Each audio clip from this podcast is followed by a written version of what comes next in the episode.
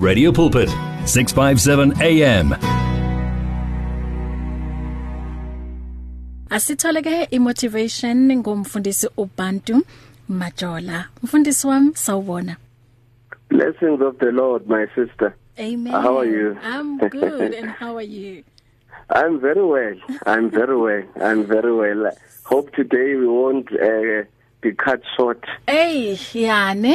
Hey, angazi ukuthi kwenzakaleni last week mfundisi kodwa ke siyaxolisa. Uyazazi lezinto vele nje zenzeke. Network gremlins. Yebo. Network gremlins. Ehhe. Yes. Siyabonga yes. ukuthi uphinde ube nathi ke ku lentambama osiphatheleni kulolu suku ngaba bingelele emakhaya bese uyaqhubeka.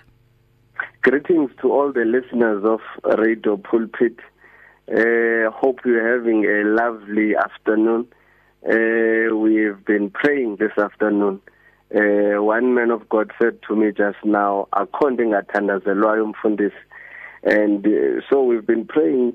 We've even been praying for Ikaizer Chiefs. So yeah, what can you do? What can you do? Angihleki mfundisi. akhona ngathandazelwayo my sister we pray for For everything everything. True that. yeah. Mhm. yes no our scripture today i won't be long uh, our scripture today we will get it from the book of genesis uh, it's genesis chapter 41 uh, we will start from verse 50 genesis 41 Mhm. verse 50 Verse I'm reading 15. 50 50 Oh, okay. Yes i'm reading from the uh, new king james version. Mhm. and to joseph were born two sons to, and to joseph were born two sons before the years of famine came whom asenath the daughter of Pontiphera priest of On bore to him. Verse 51 Joseph called the name of the firstborn Manasseh for God has made me to forget all my toil and all my father all my father's house verse 52 and the name of the second he called Ephraim for God has caused me to be fruitful in the land of my affliction amen Amen. may Mm. may the lord bless the reading of his word Amen. just just briefly i was bendivukele with this scripture uh, this morning and um uh, it, it was so heavy in my in my in my in my spirit and i thought maybe i should share it with the listeners today. U, U Joseph here we know the story that Joseph was uh, is a son of is a son of Jacob. And the Bible says that Joseph was loved by Jacob. Uh, because Jacob said oh Joseph is my son of my old age. Now we also know what happened to Joseph. uJoseph wahamba waye Egypt wahlala eEgypt all the things that happened to Joseph andizozicela zonke but here iBhayibheli lithi whilst Joseph was in Egypt uJoseph waba nabantwana ababili abantwana ababili baka Joseph ithi iBhayibheli kumfazi wakhe the Egyptian woman called Asenath ithi iBhayibheli here in verse 51 Joseph called the name of the firstborn Manasseh. Eligama lithi Manasseh uJoseph umbiza Manasseh uthi for the Lord has caused me to forget. uThixo undenze ndalibala. You know ndi ndivukelwa yilonto ukuthi may God cause us to forget. You know there are a lot of things ezenzekileyo endleleni this year. There are a lot of challenges that we met this year but the name Manasseh says uThixo undenze ndalibala for God has caused me to forget. The Lord has caused me to forget ukuthi I was once betrayed by my very own flesh and blood. The Lord has caused me to forget ukuthi I was once accused of rape.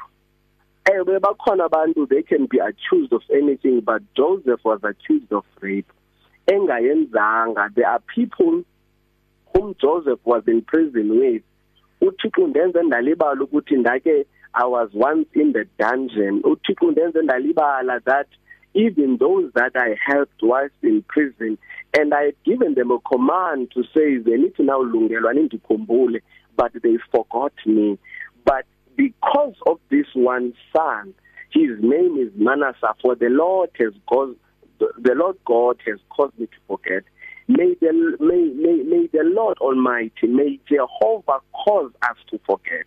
Ziningi izinto ezikuhlungu ezenzekileyo this year. Ziningi izinto ezikuhlungu that have happened in our marriages that have happened with our children that have happened emisebenzini. But may the lord cause us to forget. Uthixo makasenze silibale it takes the grace of god that izinto that are traumatic to us sizilibale. It only takes the grace of god. Now joseph says that i am naming this son manasseh for god has caused me to forget. May that be our prayer this afternoon ukuthi uthixo makasenze silibale uthixo makasenze silibale that we grew up in poverty. uthixo makasenze silibale that kukho izinto that we have faced along the road. May God cause us to forget. But uJoseph goes on further my sister here he says in verse 52 he had a second son and the bible says that he named the second son Ephraim for God has caused me to be fruitful and to prosper. You know in the midst of my background in the midst of what has happened but uThixo undenze ndaphumelela. May Jehovah himself asenze silibale in the book of Genesis here in chapter 21 iBhayibhile ithi and the Lord visited Sarah uh, as he had said usomandla makasivakashele asenze sibe fruitful in this season in our lives. You know kukho abantu kukho abantu abaphelelwe imisebenzi i was speaking to someone who has just been retrenched. I was saying to him look uThixo is has a better place for you. uThixo uzakwenza ube fruitful. uThixo akayenzi into engenacebo and akayiqali into angayigqibanga uThixo. So may the lord cause us to be fruitful. Usomandla asenze sibe fruitful asenze simibale. That is my prayer this afternoon. That is my prayer today. Us Jehovah himself. Him alone. He must cause us to forget. You know, we can go to psychiatrists, we can go to therapy trying to forget all the traumas, the injustices that have happened in our lives. But ukuba ingothixo, those things will always come up. But may Jehovah himself cause us to forget. So my sister, my prayer this afternoon is twofold. One, may God cause us to forget konke okubi okwenzekileyo. I like this scripture especially verse 52 uthi uThixo ndenze ndaba fruitful ndaphumelela in the land of my affliction. Meaning that in this place that I am I'm supposed to be I'm supposed to be in affliction. Umkhumbuzo Isaac when Abraham left when there was a famine. Oh again kwasenza futhi nakuleli viki. Ah I don't even know. even in this oh, famine uThixo uzawusenzela. Hallelujah. Uthixo uza uzakwenza uthixo uzakwenza. Usomandla uzawusenzela. We are going to be fruitful. This is our season. We are going to forget and we are going to be fruitful in this season. You know kukho izinto ezimbi ezenzekileyo gender based violence and mm. all but the lord is going to cause us to forget. Mm. and you know amadoda amadoda abathathe nabo abacinga ukuba bango alpha no omega yeah. of abafazi mm. you know acinga ukuthi lo mfazi will never do anything without utsomandla uzawumenza abe fruitful mm. ejongile uzawuthi bazawuthi bejongile they are going to be fruitful you know kukho abantwana sikhuliswe thina ngaphandle kotata you know sikhuliswe ngabantu abangomama kuphela. I normally say ebandleni we need not to go to ukhumbule ekhaya sifike kuyo sithi ukukhumbule ekhaya sifuna otata bethu. But usizawuya ukukhumbule ekhaya siyobabulela sithi enkosi ngongabikho because ngongabikho kwakho unika amazulu ichance yoba abe khona. Ngikhuliswe nguJehova. Uthixo usenze saba fruitful. Usomandla has caused us to be fruitful. May jehovah cause you to be fruitful. May jehovah prosper us. Usomandla uthi i know the plans i have for you. Those plans are to give you a future I hope and to prosper you. Usomandla is going to prosper us despite the background yethu noba injani na. Usomandla uzawusenda silibale what we've gone through. We will be like a woman after giving birth alibali labor pains that came before the delivery of the baby. Usomandla uzawusenda silibale. We will we will be kings as he says we are. Mm. we will be a royal priesthood as he says we are. We are going to dine. We will be like Mephibosheth who abantu bebesithi we are dogs but we will dine with King David in the table of the Lord. Amen. Oh. Hallelujah. Hallelujah. So usomandla that that is that is my prayer. I pray I pray that prayer for all the listeners mm. of the radio pulpit. Whatever that you are going through think of yourself. Igama lakho today you are manasa. For God has caused you to forget. Mm. igama lakho today you are Ephraim. For God has caused you to prosper. In the name of Jesus. Amen. Amen. Amen. Yebo mfundisi kumele ngempela simcele uJehova ukuthi mm. asize sikhohlwe about ipast about zonke izinto ezibhlungu mm. ezenzeke ezimpilweni zethu ngoba oh, zona zikhona mfundisi and mm. abanye bazoloku bakubuke ngepast kanti bangazi ukuthi uNkulunkulu usekundlulisile lapho and oh, kukhona lokho bekumele bakufunde and nawe bekumele ufunde from mm, your past mistakes. Singabantu mm, siyawenza amaphutha.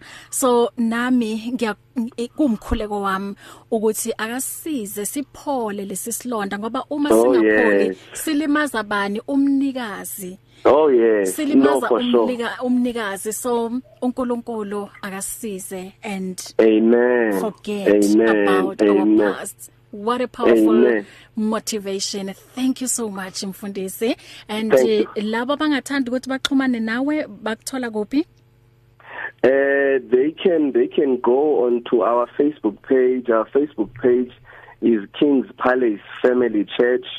Then they can bazodibana nathi khona all the details are there. Uh, if they if they want prayers, uh, they can when you can just take the, uh, their numbers and then we'll get back to them. Mm-hmm. But all our details are on our on our on our social platforms Facebook. You'll get everything there. King's Palace Family Church. Bless you mfundisi. Kunama WhatsApp messages ambalwa la. Um okay. ukhalimambo uthi inkosazana inamandla le motivation. Umambanchadi mm. uthi greetings what a powerful teaching. God bless you mfundisi. Amen. Sizohlangana no, futhi evikini elizayo.